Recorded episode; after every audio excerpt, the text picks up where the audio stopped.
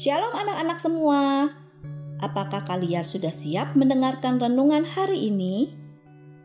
Renungan hari ini berjudul Cukup dari Mazmur 18 ayat 3. Cukup. Kapan terakhir kali kamu mendengar kata itu? Apakah ayahmu mengatakan untuk menghentikan saudaramu berkelahi? Atau apakah kamu mengatakannya ketika ibumu bertanya, "Apakah kamu ingin lebih banyak makanan penutup?" Cukup berarti kamu tidak membutuhkannya lagi. Kamu memiliki semua yang kamu butuhkan dan tidak dapat mengambilnya lagi.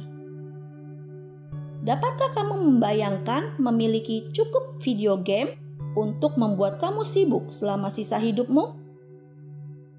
Bagaimana kalau punya cukup pakaian, film, uang, atau teman?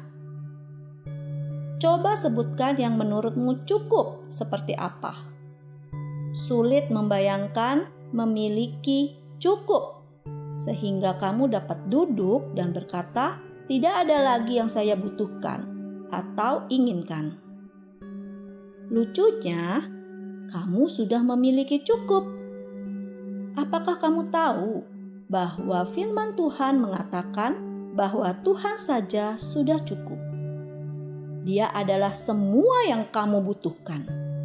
Dia adalah penyedia sukacita, kedamaian, dan kehidupan terbesar.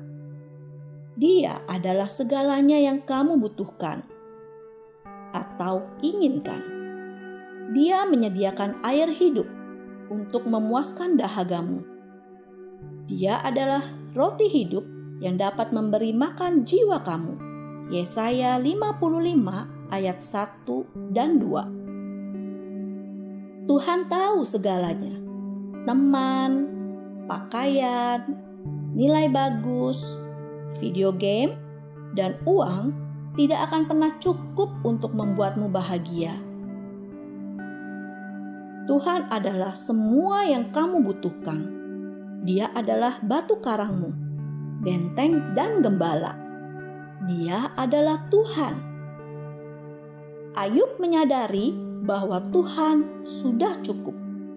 Ayub satu menuliskan bahwa setelah Ayub mendengar bahwa segala sesuatu diambil darinya, lembu, keledai, domba, unta, pelayan, dan anak-anaknya ia berlutut dan menyembah Tuhan. Dia melakukan ini karena dia tahu bahwa Tuhan cukup untuk menopangnya dalam setiap situasi.